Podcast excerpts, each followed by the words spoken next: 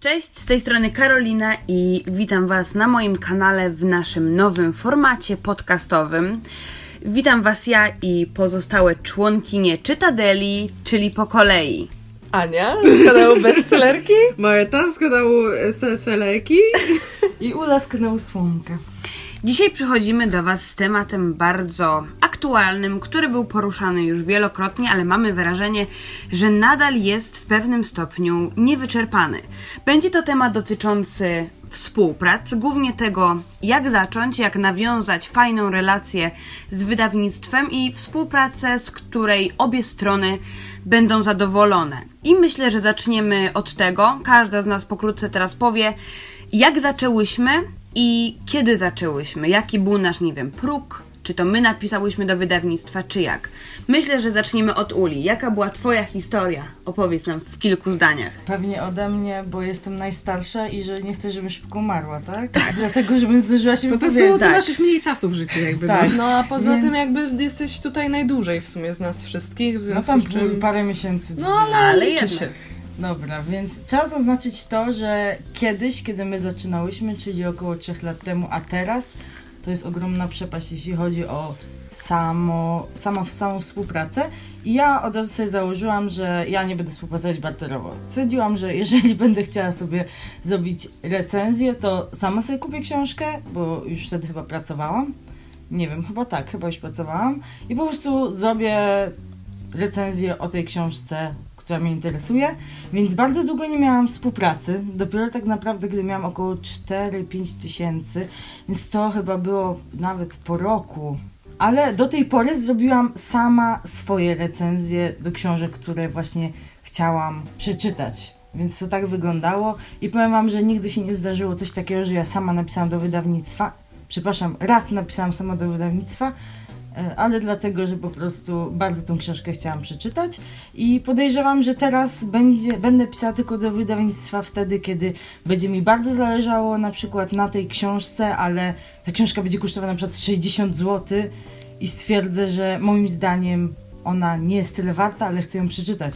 Pewnie jakby wydawnictwo się nie zgodziło, to i tak bym ją sobie kupiła, ale no jeżeli można, wiecie, no wiadomo, człowiek, każdy orze jak Książki może. są drogie. Tak, dokładnie, zwłaszcza patrząc na to, ile kosztuje ich wydanie, ale to jest temat na inny podcast, więc u mnie to tak wyglądało i nie wiem, co Czyli jeszcze mam Ty powiedzieć. pierwsza napis... E, czyli nie Ty pierwsza, tylko Tak, wydawnictwo, wydawnictwo. pierwsze do Ciebie Ale napisało. no mówię, to było około roku, więc no długo tak było, ale ja to robię, no powiedzmy szczerze, że ja mam w ogóle ten kanał dla fanów, więc jeżeli mam współpracę, to jest super, jak nie mam współpracy, no to sorry, biorę sobie jakąś książkę, których mam dużo, których nie przeczytałam, bo jak kiedyś nagram Bookshelf Touru, które muszą Nagrasz bokszer, Tak. to jak do ciebie przyjedziemy, to ci go tak, zrobimy. Tak, dziewczyny po pierwsze nienawidzę układać książek, a Anna jest mistrzem Tetrisu książkowego, Tak, więc musimy pomóc. się.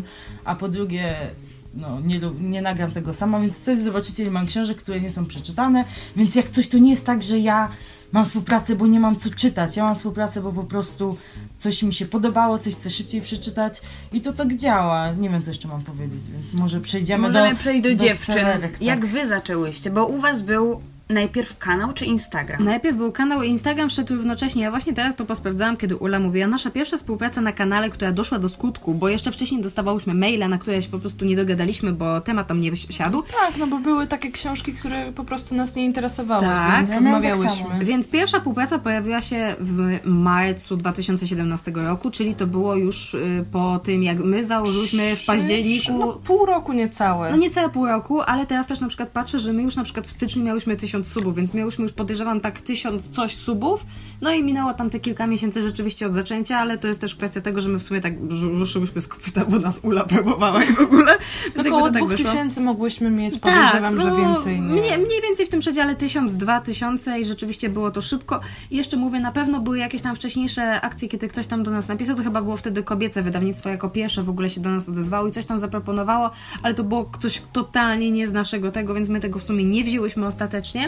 Ale tak to było. I w sumie dotąd zawsze tak robił, współpracowałyśmy, że to zawsze wydawca do nas pisał. Zdarzały się jakieś tam wyjątki, kiedy rzeczywiście my się odzywałyśmy, ale w sumie nigdy nie zrobiłyśmy tak, że napisałyśmy do obcego wydawnictwa z propozycją. Tak, to raczej odzywamy się do wydawnictwa, z którym już mia- mamy dobry kontakt. Z I którymi... do ludzi, których znamy. Zgadza się, no bo oczywiście redaktorzy, wydawcy też się zmieniają. Jedni przychodzą do pracy, inni z niej odchodzą, no jak to na rynku pracy bywa. I rzeczywiście odzywamy się do wydawnictw, e, które znamy, z którymi współpracowałyśmy, e, na których możemy polegać w sumie. Właśnie to, co Karolina powiedziałaś na początku, że ta współpraca zadowala obie strony. To jest bardzo ważne, bo to nie tylko wydawca ma być zadowolony, ale w sumie my, jako ci wykonawcy zleceń zazwyczaj, no to chyba też powinniśmy być. I właśnie w ten sposób współpracowałyśmy. Właśnie zazwyczaj to oni się do nas odzywali, a my tylko decydowałyśmy, czy nas ta książka interesuje, czy chcemy ją przeczytać i przedstawić widzom, czy niekoniecznie. No to u mnie było zupełnie na odwrót niż u Was, ale to może dlatego, że ja zaczynałam tylko od Instagrama. Na Instagramie jest, uważam, nie wiem, troszkę ciężej się wybić niż na YouTubie, bo tych osób, Konkurencja jest większa. tych osób jest naprawdę mnóstwo. No i coś innego jest pisać na blogu albo pod zdjęciami, a nagrywać takie recenzje, które naprawdę są wyświetlane przez masę osób. I rzeczywiście ja, kiedy przekroczyłam ten limit taki tysiąca obserwatorów, czyli po jakichś trzech miesiącach od początku prowadzenia mojego konta na Instagramie, ja napisałam do wydawnictwa. I moje pierwsze współprace to było wydawnictwo, z tego co pamiętam, literackie i Jaguar. I teraz ani z jednym, ani z drugim już właściwie nie współpracuję, bo te nasze drogi się już rozeszły, ale tak to ja jakby byłam tą osobą, która zaproponowała po prostu wydawnictwu, czy oni by chcieli ze mną współpracować. Więc to wszystko jakby zależy od Was, czy Wy postanowicie napisać od, do wydawnictwa, czy postanowicie czekać na, na to, aż, tak, tak. na, aż wydawnictwo Was zauważy. Obie te kwestie mają swoje plusy i minusy, bo na przykład wiadomo, że jak wy napiszecie do wydawnictwa, no to wydawnictwo was zauważy i wszystko będzie fajnie i jakby wy dostaniecie to, co chcecie. Ale z drugiej strony, kiedy wydawnictwo napisze do was jako pierwsze, to wy uważam, że jesteście taką stroną, można powiedzieć, bardziej uprzywilejowaną, bo to wydawnictwo... teoretycznie tak, powinno być, teoretycznie. nie? I wtedy, wiecie, no wydawnictwo powinno w teorii was spytać się o warunki waszej współpracy, co możecie zrobić, czego wymagacie. W ogóle to, To co ja też właśnie zapomniałam wspomnieć jeszcze przy okazji tych naszych współprac, no to to, że te pierwsze propozycje to były bartery. To znaczy współpracowałyśmy na początku barterowo, bo stwierdziłyśmy, że mamy za małe y, zasięgi, żeby po prostu współpracować y, na umowę.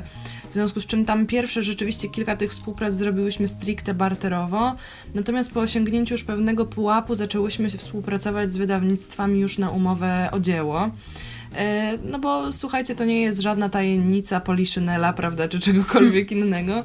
E, Współpracujemy z wydawcami na umowę, normalnie zarabiamy na recenzowaniu i przy okazji, myślę głównie na promowaniu tytułów, bo to o to tutaj głównie chodzi chyba. Także to nie jest tajemnica i no wszystkie trzy w tej chwili współpracujemy właściwie głównie na umowę. No raczej bartery zdarzają się niezwykle rzadko, jeśli już to na pewno to nie jest taka promocja w pełnej formie. Tak, to nie jest filmik i jeszcze kilka innych form, tylko na przykład barter w ramach zdjęcia, czy też wspomnienia o książce. Oczywiście, jeśli nas zainteresuje i jeśli nas, e, nam się spodoba, na przykład na Instagramie. Znaczy ja muszę tutaj się wtrącić, bo ja mam jeden taki przypadek, w którym robię to barterowo. A dobrze, no ale my też robimy to bajterowo, no, No, bo wiem. kochamy Ninę, tak? I jakby to jest, to jest jakby No inna tak, kwestia, wiem, wiecie, wiesz, ile razy jest tak, że robimy rzeczywiście to- coś bajterowo, bo na przykład autor się odezwie, Tak. ale to jest też kwestia na inny podcast w ogóle tego, jak autorzy się odzywają do, do twórców Tak. i z nimi próbują coś ugrać i jakby Nina jest takim przykładem, myślę... Mówimy właśnie- o Ninie Reichter, Nina Reichter, autorce Love Line. Tak, No, więc jakby Nina jest tutaj wyjęta trochę z całego tego motywu współpracy, no bo jakby to jest Nina, jakby no to jest Nina, no nie? I, i, jakby tego. No ale generalnie tak to wygląda, wiecie, od pewnego progu trzeba się po prostu sprofesjonalizować, nie ma co siedzieć tak naprawdę na tym tym, zwłaszcza, że to zabiera dużo czasu i to jest przede wszystkim praca. Inna kwestia jest taka, że w ogóle jest to rynek, który się dynamicznie zmienia, na przykład z takiego prostego względu, że na przykład sobie teraz weszłam w statystyki nasze i zauważyłam, jaki my próg miałyśmy subskrypcji, kiedy zaczęłyśmy zarabiać i jakie wtedy miałyśmy stawki, to aż po prostu się dziwię, że my rzeczywiście wtedy jakby te współprace powstawały, bo w sumie teraz patrząc po tym, jak właśnie na przykład czy, czy Kajo szkolimy, żeby się zarabiała. Uli nie szkolimy, no bo Ula nas szkoliła. Ula już wie Ula i ona wie. nas przekazywała tę wiedzę Tak, tajemną. ale szkolimy na przykład inne, inne osoby właśnie wprowadzające ten, to, to widzę jak strasznie się dynamicznie ten, ten rynek w ogóle zmienia, bo na przykład tak jak na przykład nasz przykład pokazuje, że można zacząć współpracę dosyć szybko i dosyć szybko przejść właśnie już do tej jakiejś tam profesjonalizacji, a teraz na przykład często jest tak, że mimo wszystko te budżety są obcinane i nie każdy może niestety sobie na to pozwolić. Ale już rzu- porzucając ten temat, bo to jest też kwestia na kolejną część tego podcastu współpracowego, chyba przejdziemy do tego, co robić, a czego nie robić, no bo w sumie to jest takie najczęstsze pytanie, bo bardzo dużo osób właśnie odzywa się do nas wszystkich, jak zacząć współpracę, jak napisać do wydawcy, czy napisać maila, czy w ogóle można pisać, czy nie można pisać, kiedy pisać, jak to zrobić i jak ewentualnie te warunki współpracy przeprowadzać. Myślę, że mamy tutaj w sumie takie trzy szkoły trochę Trzy e, szkoły? tego, tego, czy mamy pisać, czy nie mamy pisać, bo my z Anną na przykład mamy takie podejście, że raczej się nie odzywamy do obcych wydawców, Ewentualnie podpytujemy ludzi, których znamy, że hej, hej, czy dałby radę współpracować przy tym tytule, ale staramy się mimo wszystko jakby mieć takie, takie podejście, że to raczej się wydawcy do nas zwracają. Ty, Karo, raczej masz takie, Ja że raczej tak, nie że masz nie ma problemu, problemu. Nie masz problemu, żeby napisać i właśnie, że hej, hej, chciałabym współpracować przy tym i przy tym i Ule jest w połowie tej drogi. Tak, troszkę. mnie y, jest tak, że jeżeli na książce bardzo mi zależy, to ja napiszę do wydawcy i spytam się, ale to nie będzie tak, że po prostu jak mi powie, że tak, to ja rzucam wszystko i lecę do niego, biegnę, Boże, zrobię wszystko, żeby to mieć, bo jak jestem jakaś zdesperowana.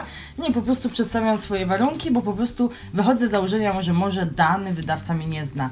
Ale muszę też zaznaczyć jedną rzecz, że na przykład czasami, dość często, my też się polecamy wzajemnie. Tak, no bo Więc Tak, to też jest, to jest jakaś, normalne.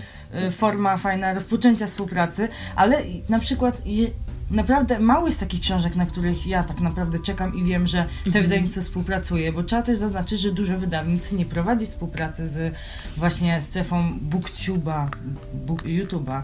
A jak prowadzi, to na pewno niepłatną. Są Tak. takie wydawnictwa bardzo ciężko osiągalne, gdzie naprawdę współpracę.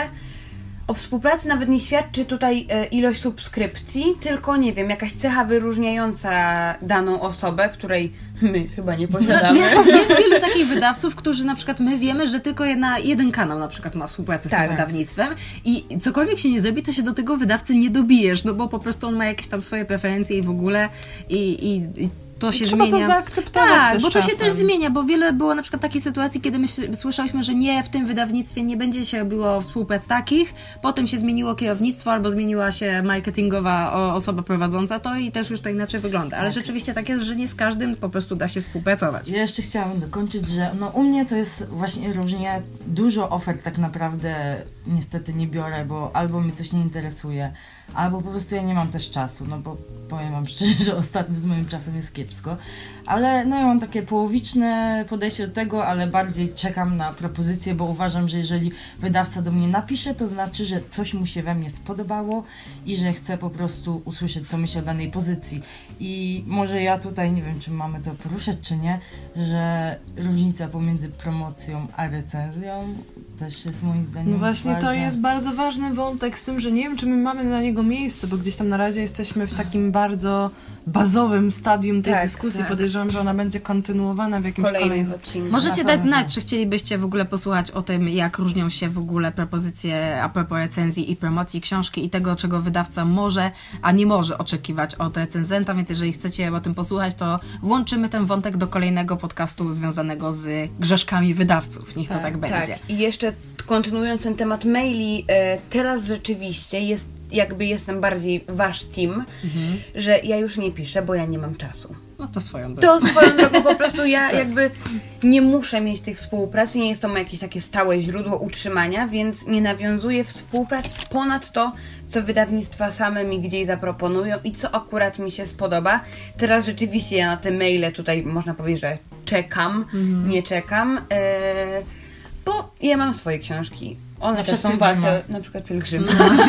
I one też są warte uwagi i jakby też w dużej mierze skupiam się na swoich treściach, a nie tylko tych od wydawnictw. Zresztą w tym roku jakoś słabe te premiery były, mam wrażenie. Wydaje mi się, że Wieża mało Świtu? było. No dobra, no ale no Wieża Świtu, ale to, no to, ale to było to z początku roku, ja mówię o jesieni tegorocznej. To Że jakoś prawda. mam wrażenie, że teraz na jesień było mało rzeczy Ja mam fajnych. wrażenie, że na te, co mamy zapowiedzi na następny rok To od paru sztos, wydawnictw, no. no, to, To jest tam się takie, będzie działo, będzie ale się tym działo naprawdę. No ale maile. Tak, maile skończyłyśmy i teraz przechodzimy do kwestii, jaki właściwie powinien być bloger, jakie powinno być wydawnictwo, czym powinni się charakteryzować, jak się powinni zachowywać. Ja bym chciała wyjść o takiej bardzo ważnej kwestii. Po pierwsze, szanujmy się, Tak. a po drugie, nie bądźmy rozwydrzonymi bachorami.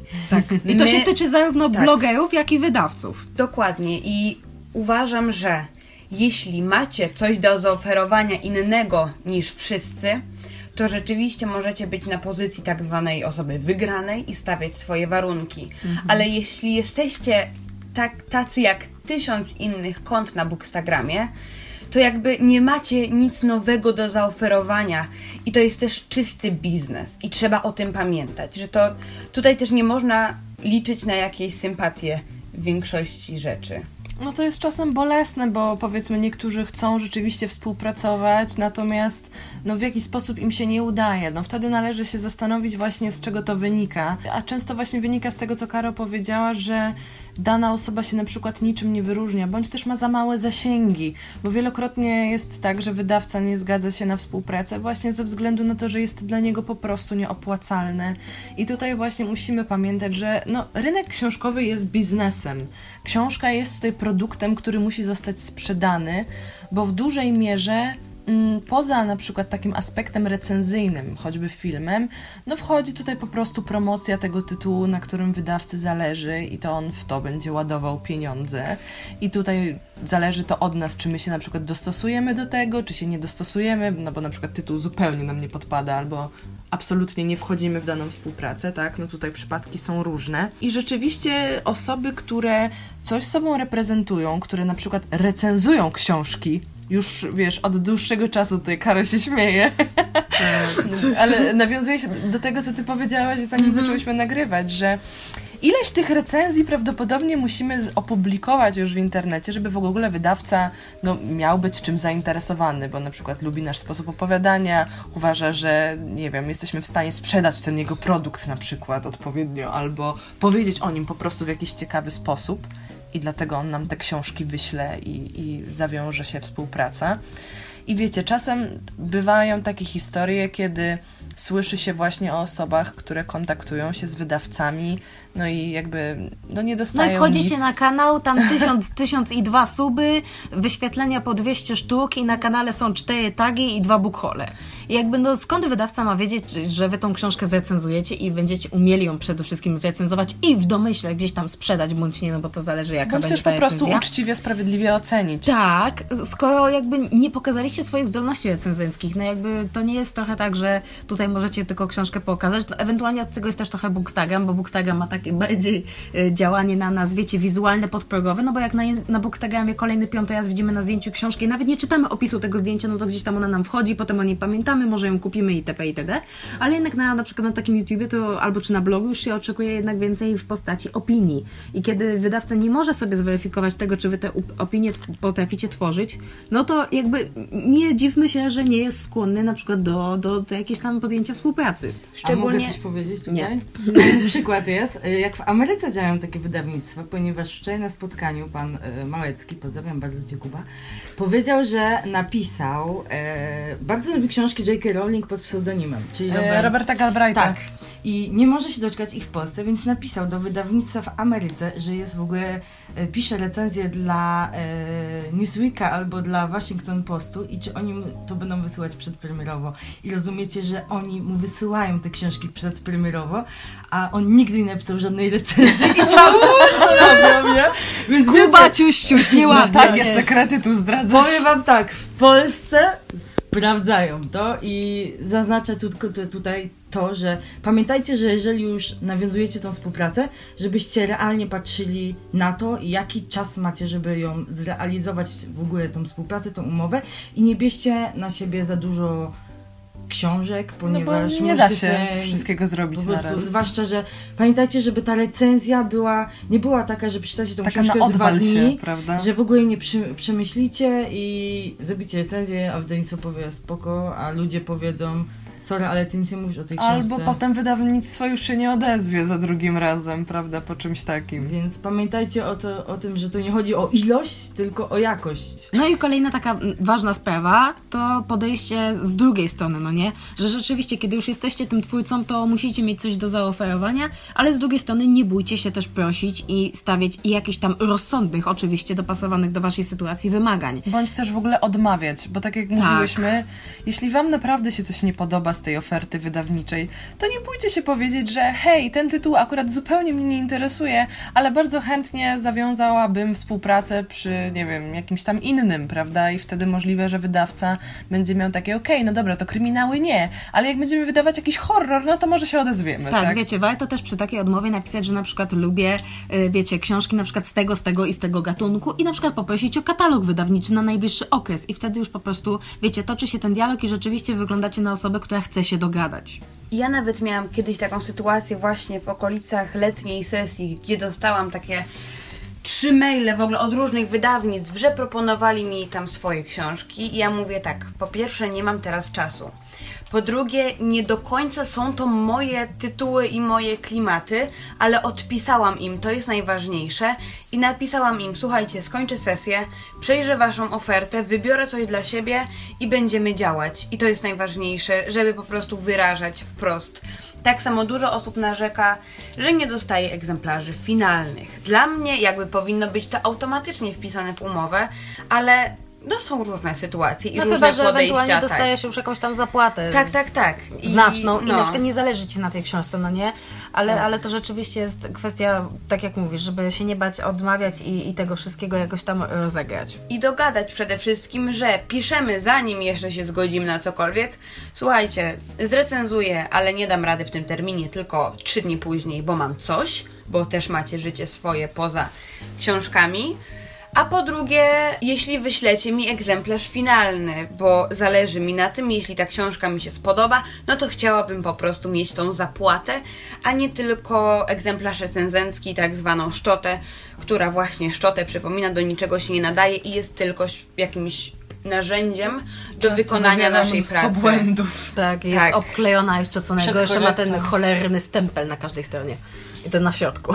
Tak, stemple są niefajne. Nie róbcie tego. Ja chciałabym zaznaczyć jeszcze jedną sprawę, ponieważ współpraca współpracą, ale całkiem inaczej powinna wy wyglądać współpraca, jeżeli dostajemy patronat albo tak zwaną polecajkę. Ponieważ Tak. powiedzmy sobie coś szczerze, Polecajka, słuchajcie, to, To takie werb. dwa, trzy zdania, Tak. które Na piszemy, skrzydełku że albo na książka tyle. jest rewelacyjna i podpis podpisujemy się swoim nazwiskiem. Tak. Po pierwsze, największy grzech, dużo osób ty to robią, nie róbcie to na ślepo. Tak. Nie róbcie ambasadorstwa, patronatów, polecajki na ślepo. Czytajcie tą książkę, poproście o PDF, ale nie tak, że wyślą ci 20 stron. Poproście o całą książkę, bo to, że książka jest na początku dobra, to nie znaczy, że ona na końcu nie będzie słaba, albo że na początku jest słaba, to na końcu może się okazać w ogóle cudowna i musicie się w niej fantastyczna. zakochać. To też jest bardzo ważne, ponieważ dużo osób po prostu dostaje informację, J.K. Rowling wydaje książkę, chcesz patronat? Tak, biorę! A później okazuje się, że to jest przeklęte dziecko. Dosłownie i w przynośni, no nie? Nie, to jest, to jest bardzo ważne to, co Ula mówi, że zupełnie inaczej wygląda współpraca, jeżeli chodzi o patronat, czy o jakąś tam polecajkę, blejba, jakkolwiek kto to nazwie. To jest zupełnie inna bajka z tego prostego względu, że podpisujecie się wtedy swoim nazwiskiem pod tym dziełem. To niemal tak jak autor, Niemal tak jak autor, bo to jest, podejrzewam, w dużej mierze bardzo ważne, bo jakby wiecie, na przykład widzicie pewnie po nas wszystkich, że w momencie, kiedy my czemuś patronujemy, to ta książka non-stop powraca, ta książka jest zawsze przez nas polecana i wiecie, to jest taki znak jakości, tak samo jak są znaki jakości, wszystko co polskie jest dobre i w ogóle, to tak samo jest tutaj. I to jest po prostu ważne, bo my budujemy w ten sposób zaufanie do Was jako do odbiorców i Wy macie zaufanie do nas, że ta książka Wam się spodoba, jeżeli macie na przykład taki sam gust jak my i mówicie wielokrotnie, skoro besty polecają, no to jest dobre. No i tak się dalej to kręci, więc rzeczywiście tutaj nie ma w ogóle takiej opcji, żeby brać to, brać to w ciemno, no bo to jest, to jest bullshit, no chyba, że ewentualnie zgodzicie się wstępnie, potem przeczytacie i potem powiecie, ej dobra, jednak nie i się wszystko wycofa, no to jeszcze z Bogiem sprawa. Ale gorzej, jeżeli na przykład do takiego patronatu czy innej polecajki dojdzie, a się książka Wam nie podoba. Inna kwestia jest też taka, że kiedy w ogóle mówimy o współpracy na jakiś tam patronat czy tego typu sprawy, to też zmienia się w ogóle warunki, warunki współpracy z wydawcą.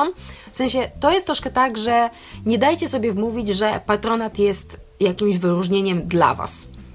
To jest wyróżnienie dla książki i dla wydawcy, że wy tą książkę będziecie promować z całych sił i dużo bardziej niż przy normalnej recenzji. To tak nie działa, bo zastanówcie się, czy kiedykolwiek wy widzieliście jakąś książkę i na przykład spojrzeliście na tył i zobaczyliście, o, logo Słomka, kto to jest? Sprawdzę. No nie! No nie, słuchajcie, to Albo tak nie działa. patrzycie z tyłu książki, o, poleca Newsweek, to na pewno dobre. Słuchajcie, jakby na to się nie, że ja mam coś do. Newsweeku, nie? Jakby Ale to, to był Szczerze, przykład ja najpierw jak widzę polecajkę Stephen King, to mówię O, nie! No wiesz, ale to już jest jakaś, to już jest inny trochę temat, bo to jest polecajka przez, wiesz, nazwisko tak naprawdę, przez Jeżeli chcecie taki podcast, dajcie znać. Tak. I, I wiecie, jakby to jest, to jest kwestia tego, że jakby dla nas to nie jest jakieś wielkie wyróżnienie, chyba, że jest to na przykład, nie wiem, jakbyśmy my dostały patronat Znaczy, na to toną wyróżnienie dla nas osobiście. nad. Osobiste, osobiste, Ale, ale, w żaden sposób to się nie przekłada na jakiś taki, nie wiem, zysk. zysk dla nas. marketingowy na przykład, wiesz, nie, daj, nie, nie dajcie sobie też mówić, że na przykład wydawca wam napisze, no dobrze, ale jak y, pani, pana, wasze logo będzie na okładce, to do was przyjdą ludzie i będą na przykład was subskrybować, oglądać, lajkować. No prawda. nie. Nie, to tak nie działa. Powiedzmy sobie szczerze, nikt tego nie robi i nie znam autentycznie osoby, która by pomyślała o tym, żeby zasubskrybować albo zaobserwować kogoś, dlatego że zobaczyła logo na książce.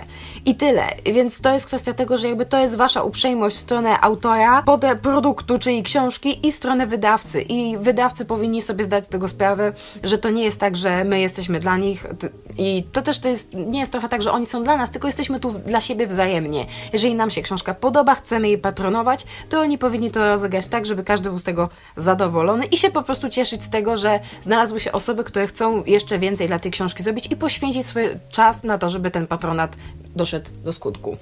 Jeszcze tak wracając do patronatów, to jeżeli dostaniecie maila z propozycją, to nie wyskakujcie ze spodni z radością, Tak. ponieważ to, że dostaliście maila z propozycją, to nie znaczy, że wy ten patronat po pierwsze macie wziąć, Tak. po drugie, że to jest właśnie jakieś mega wyróżnienie. Może tak jak Ania stwierdziła, że to jest osobiste wyróżnienie, jeżeli ta książka naprawdę wam się spodoba. Ale, że ktoś was, o was pomyślał, że, tak, że ten patronat fajne, mógłby że pasować, no zna, nie? Znaczycie coś dla wydawnictwa, można tak powiedzieć, ale Że pamię- jesteście znakiem jakości. tak, ale pamiętajcie też o tym, żeby po pierwsze upewnić się, że naprawdę ta książka Wam się podoba, bo ja sobie nie wyobrażam patronować książce, którą, nie wiem czy dobrze to odmieniłam, Mhm. książce, Tak, której po prostu do końca nie rozumiem, do której... Której nie znasz, tak, nawet, a po prostu nie podoba. nie jestem do niej przekonana. Jeżeli ktoś by mi się spytał, słuchaj Ula, a czym tak naprawdę te przeklęte dziecko jest lepsze od całej sagi Harego, to bym powiedziała, niby jestem patronką tego przeklętego dziecka, chociaż nie jestem, to jest, wiecie, przykład, ale no nie wiem, co jest lepsze, nie? Więc wiecie...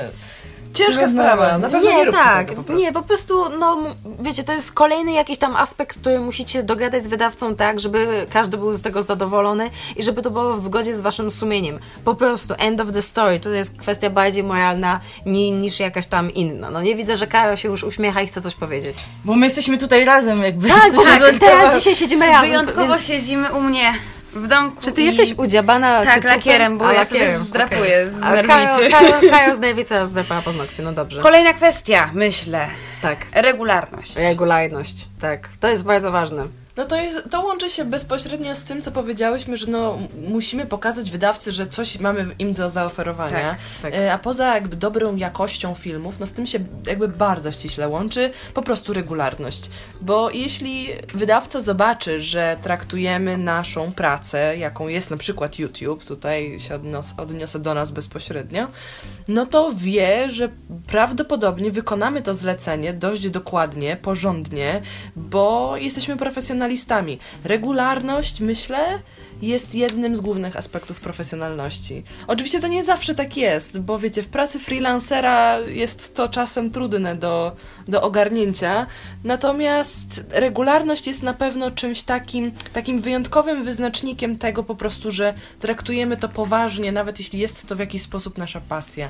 Tak, i to się bardzo wiąże regularność z terminowością. Jeśli wydawnictwo widzi, ok, wyrabia się z dwoma filmami tam na przykład w ciągu tygodnia, to wyrobi się z recenzją na czas. Umawiamy się na 10 października, 10 października jest recenzja, bo tak się umówiliśmy. I to jest też taki sprawdzian na naszą dojrzałość I z drugiej strony to nie tylko jest ważne ze względu na wydawnictwa, tylko na widzów.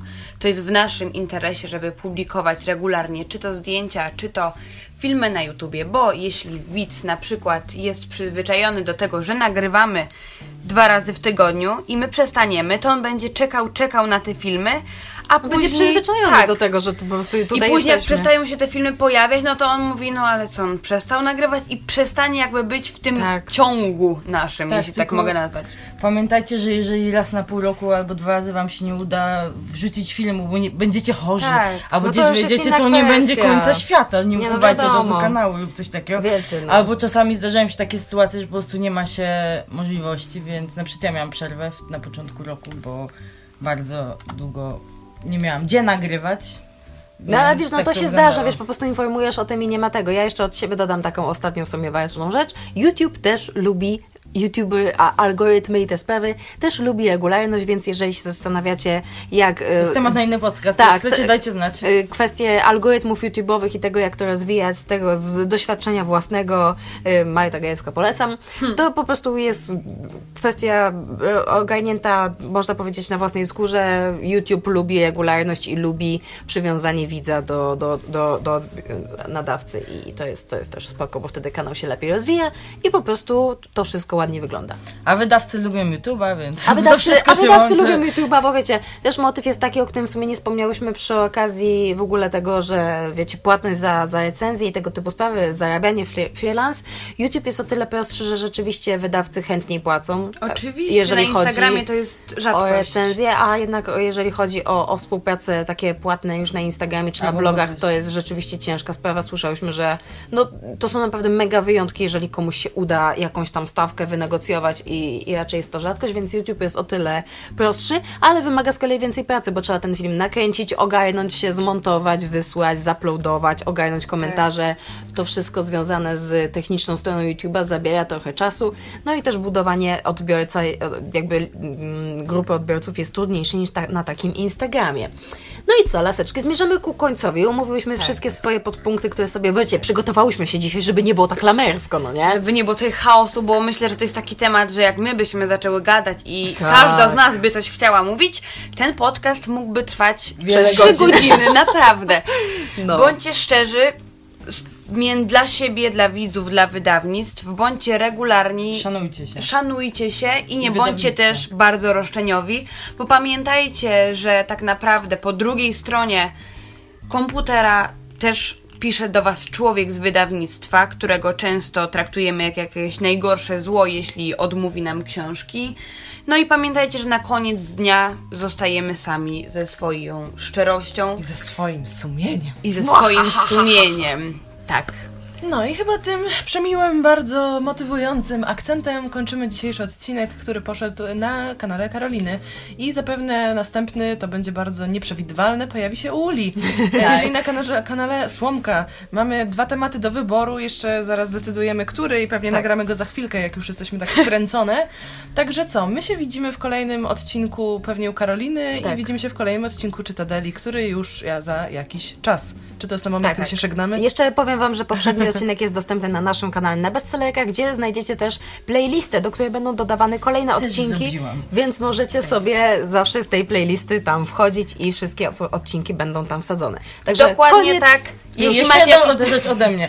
Pielgrzyma. pamiętajcie o tym, że jeżeli macie jakiekolwiek pomysły na temat, mamy ich dużo, ale jesteśmy ciekawe, co wy byście chcieli Tak. usłyszeć.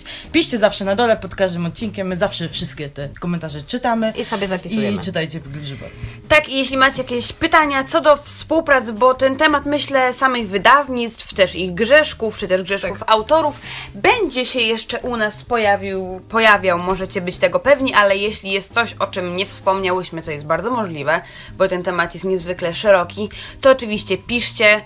Dziękujemy, że jesteście z nami, jesteście super i naprawdę jesteśmy bardzo zmotywowane do roboty. Dlaczego my Do machamy zobaczenia rękoma, jak następnym razem. Nie wiem.